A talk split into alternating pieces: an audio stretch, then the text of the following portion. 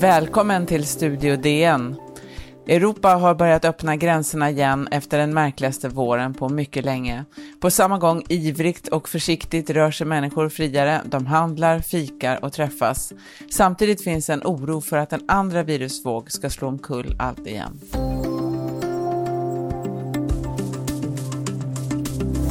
Ja, i samhällena längs gränsen mellan Nederländerna och Belgien beskriver invånarna livet under restriktionerna som ibland smått absurt. Att gå den vanliga rundan med hunden gick inte längre. Och är det egentligen vettigt att halva familjen lyder under vissa regler och andra halvan under grannlandets? Efter tre månader av mer eller mindre nedstängda samhällen har länderna i Europa börjat återgå till det normala. DNs korrespondent Marianne Björklund och fotograf Alexander Mahmoud befinner sig just nu i Antwerpen i Belgien på en resa i bil söderut. Hej! Hej! Hej! Eh, var är ni nu, närmare bestämt? Just nu är vi i Antwerpen eh, hemma hos en eh, belgisk journalist som är vän och kollega. Eh, vi har precis varit på ett äldrehem här i Antwerpen. Eh, Marianne, du är ju egentligen Asien-korrespondent och bor i Peking eh, och har varit med här i podden flera gånger. När får du resa tillbaka till Peking? Eller Ehm, det är fortfarande oklart eh, eftersom Kina införde ju tillfälligt inresestopp för alla utlänningar när coronaviruset härjade som mest i Kina. Nu har de börjat släppa på restriktionerna lite grann pö om pö och eh, under den här tiden hann mitt visum gå ut. Men nu har jag fått besked att jag i alla fall ska få ansöka om ett nytt visum. Så det går framåt. Det går framåt, så du eh, drog eh, söderut i Europa eh, eh emellan i alla fall då. Eh, Belgien är ju ett av de länder som har haft höga dödstal i corona. Just nu omkring 9700 tror jag, på en befolkning på ungefär 11,5 miljon. Det är ungefär dubbelt så mycket då som i Sverige. Eh, man har ibland talat om att det finns några superspridare i Belgien och så, och landet stängde ju ner där eh, och ändå blev dödligheten väldigt hög. Är det öppet igen nu, eller hur är det i Belgien? Belgien är mycket mer öppet än vad det var tidigare. De har öppnat restaurangerna som var helt stängda under nästan tre månader. Affärer har öppnat. Eh, men det är fortfarande med stor försiktighet. Vi ser många som bär munskydd här. Eh, det är handsprit överallt. På Grand Place i Bryssel var det till och med några som tog eh, tempen när folk gick in. Så det känns som det är större kontroller än vad det är i Sverige exempelvis. Men för belgarna är det en jätteskillnad. Vi var precis här och åt lunch med Jan och han sa jag är nästan nervös. Det är första gången jag går på restaurang sedan det är lockdown. och sen har ni precis då, eh, besökt ett äldreboende. Där pratar ni bland annat då med föreståndaren Thierry Severi. Before corona we had 117 guests people living here. Uh, now I have 34 empty rooms. During Corona, we uh, about 23 people died. Not every death is certain Corona, but most, most likely. Han säger ju alltså här att det har varit eh, 23 personer som har dött, troligen av corona då. Eh, Alex, vad såg ni inne på äldreboendet? Hur såg det ut där? Jo, men där så... Vi hade ju på oss munskydd. Och det hade mestadels av personalen också. Inte föreståndaren Feri. När vi gick runt och intervjuade både äldre fick vi komma in i rummen, prata med dem med social distans. Men han beskrev ju också att det är ju 23 människor som har dött på några månader. Och att i vanliga fall, vissa månader, är det ju då ingen dör. Just det. Hur är det liksom alltså med äldreboenden i Belgien? Vi vet ju att i Sverige har ju det varit ett stort problem. Eh, har de haft samma problem i, i Belgien, att det är väldigt, väldigt många på äldreboendena som har, har dött? Vet du det, Marianne?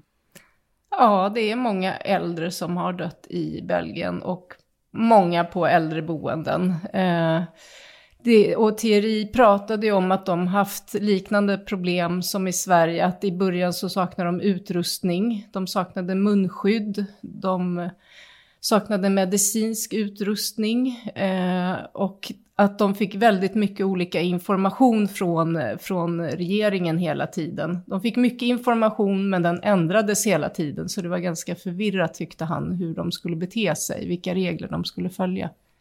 På vägen till Belgien så eh, tvingades ni ju köra rakt igenom Danmark och Nederländerna, har ni beskrivit i ett reportage, eh, och för att ni var från Sverige. Vad har ni fått för kommentarer eh, från folk som ni har träffat på att ni är svenska?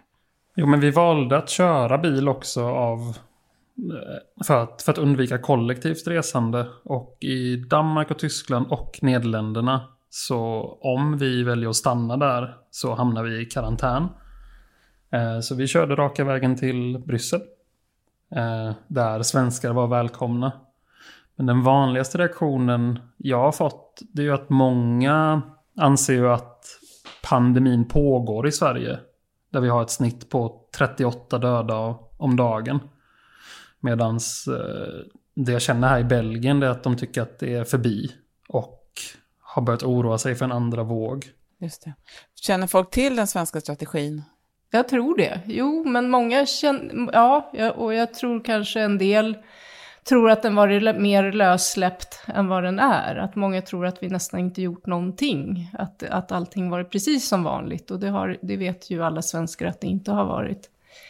Men i mm. Nederländerna så har, har de varit lösare, har det varit mera som i Sverige än till exempel i Belgien eller Italien där man har stängt ner helt och hållet? Mm, I Nederländerna har det nog varit ganska likt Sverige. Man har hållit restauranger och affärer öppna. Och det var det som gjorde det så absurt när vi var i den här gränsstaden mellan Belgien och Nederländerna. Att, för de brukar ju inte ens känna av gränsen, de lever ju som i ett land. De, det, de tänker aldrig på det. Men nu plötsligt så var affärer och restauranger stängda på ena sidan medan på andra sidan pågick livet mer eller mindre som vanligt. Så då blev det blev väldigt konstigt och där har man ju släkt på båda sidor gränsen och man jobbar på båda sidor gränsen och man går och äter. Ja, det, de tänker väl aldrig på om det är Belgien eller Nederländerna de är i. Just det. Vi ska höra lite mer om just det alldeles strax.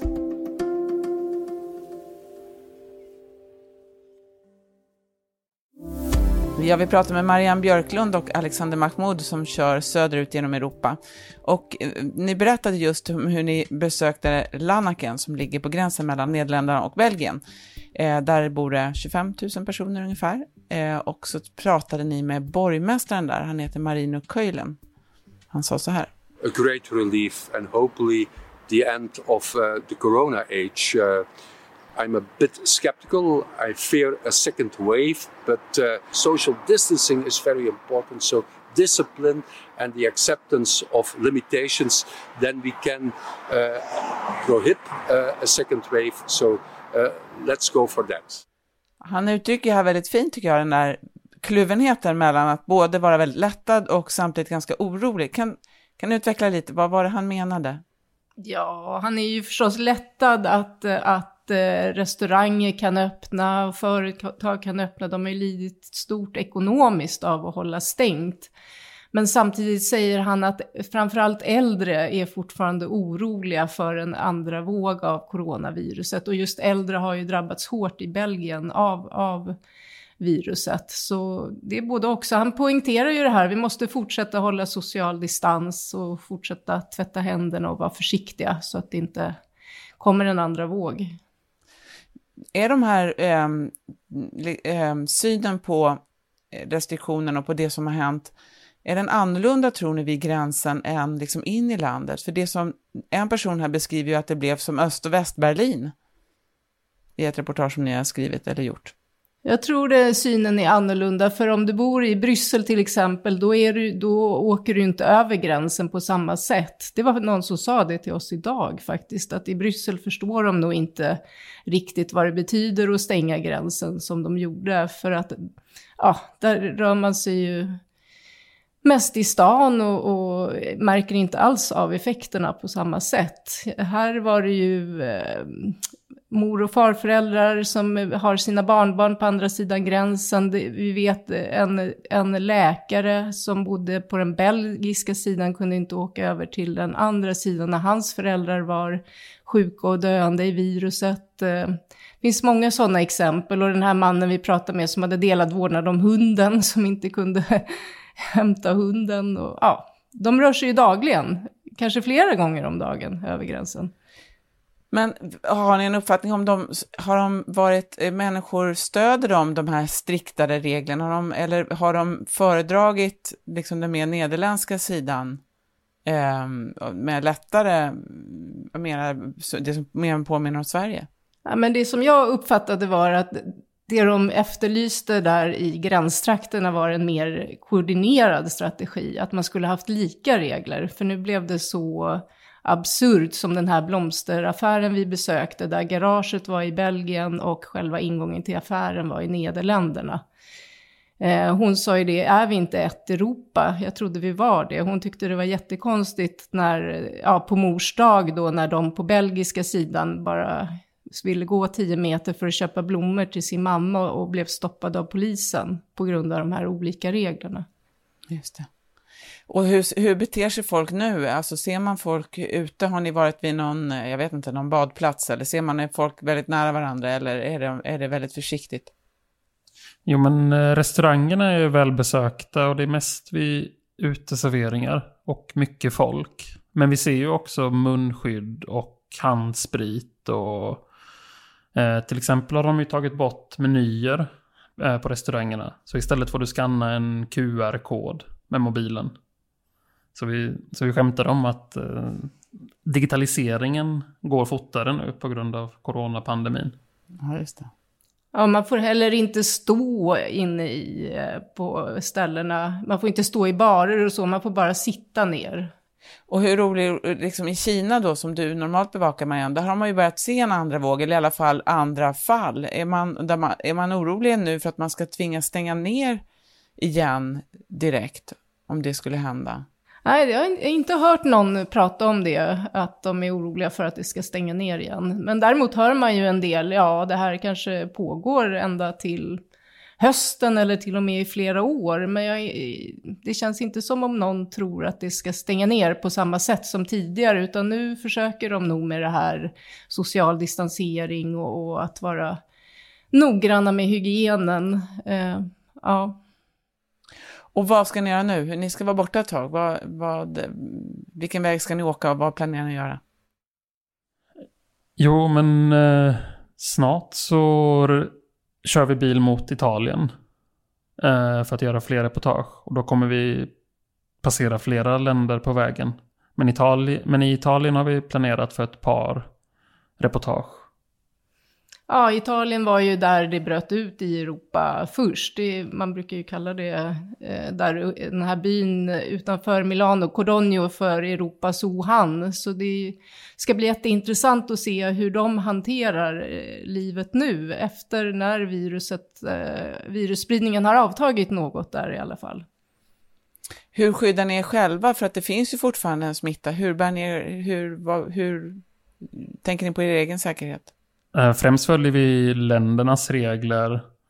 Eh, och sen bär vi munskydd, mycket handsprit. Eh, och ser till att rengöra till exempel kameror och, och så vidare.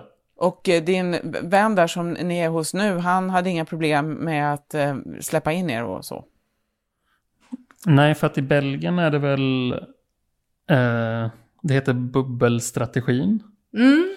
Det stämmer, man får vara i en bubbla på tio personer här i Belgien nu, inte fler. Så hade vi varit ett gäng journalister som vält in här kanske vi blivit stoppade, men det står inga vakter eller så och kollar, det gör det ju inte. Vad spännande, det ska bli roligt att följa med eh, framöver. Tusen tack. Tack. Tack. Imorgon ska vi prata om att tiden tycks vara kommen också för USAs president Donald Trump att hålla sitt första kampanjmöte på länge. För ljudillustrationerna stod Alexander Mahmoud. Eh, Studio DN görs av producent Sabina Marmelakai, exekutiv producent Augustin Erba, ljudtekniker Patrik Miesenberger och teknik Oliver Bergman från Bauer Media. Jag heter Sanna Thorén Björling.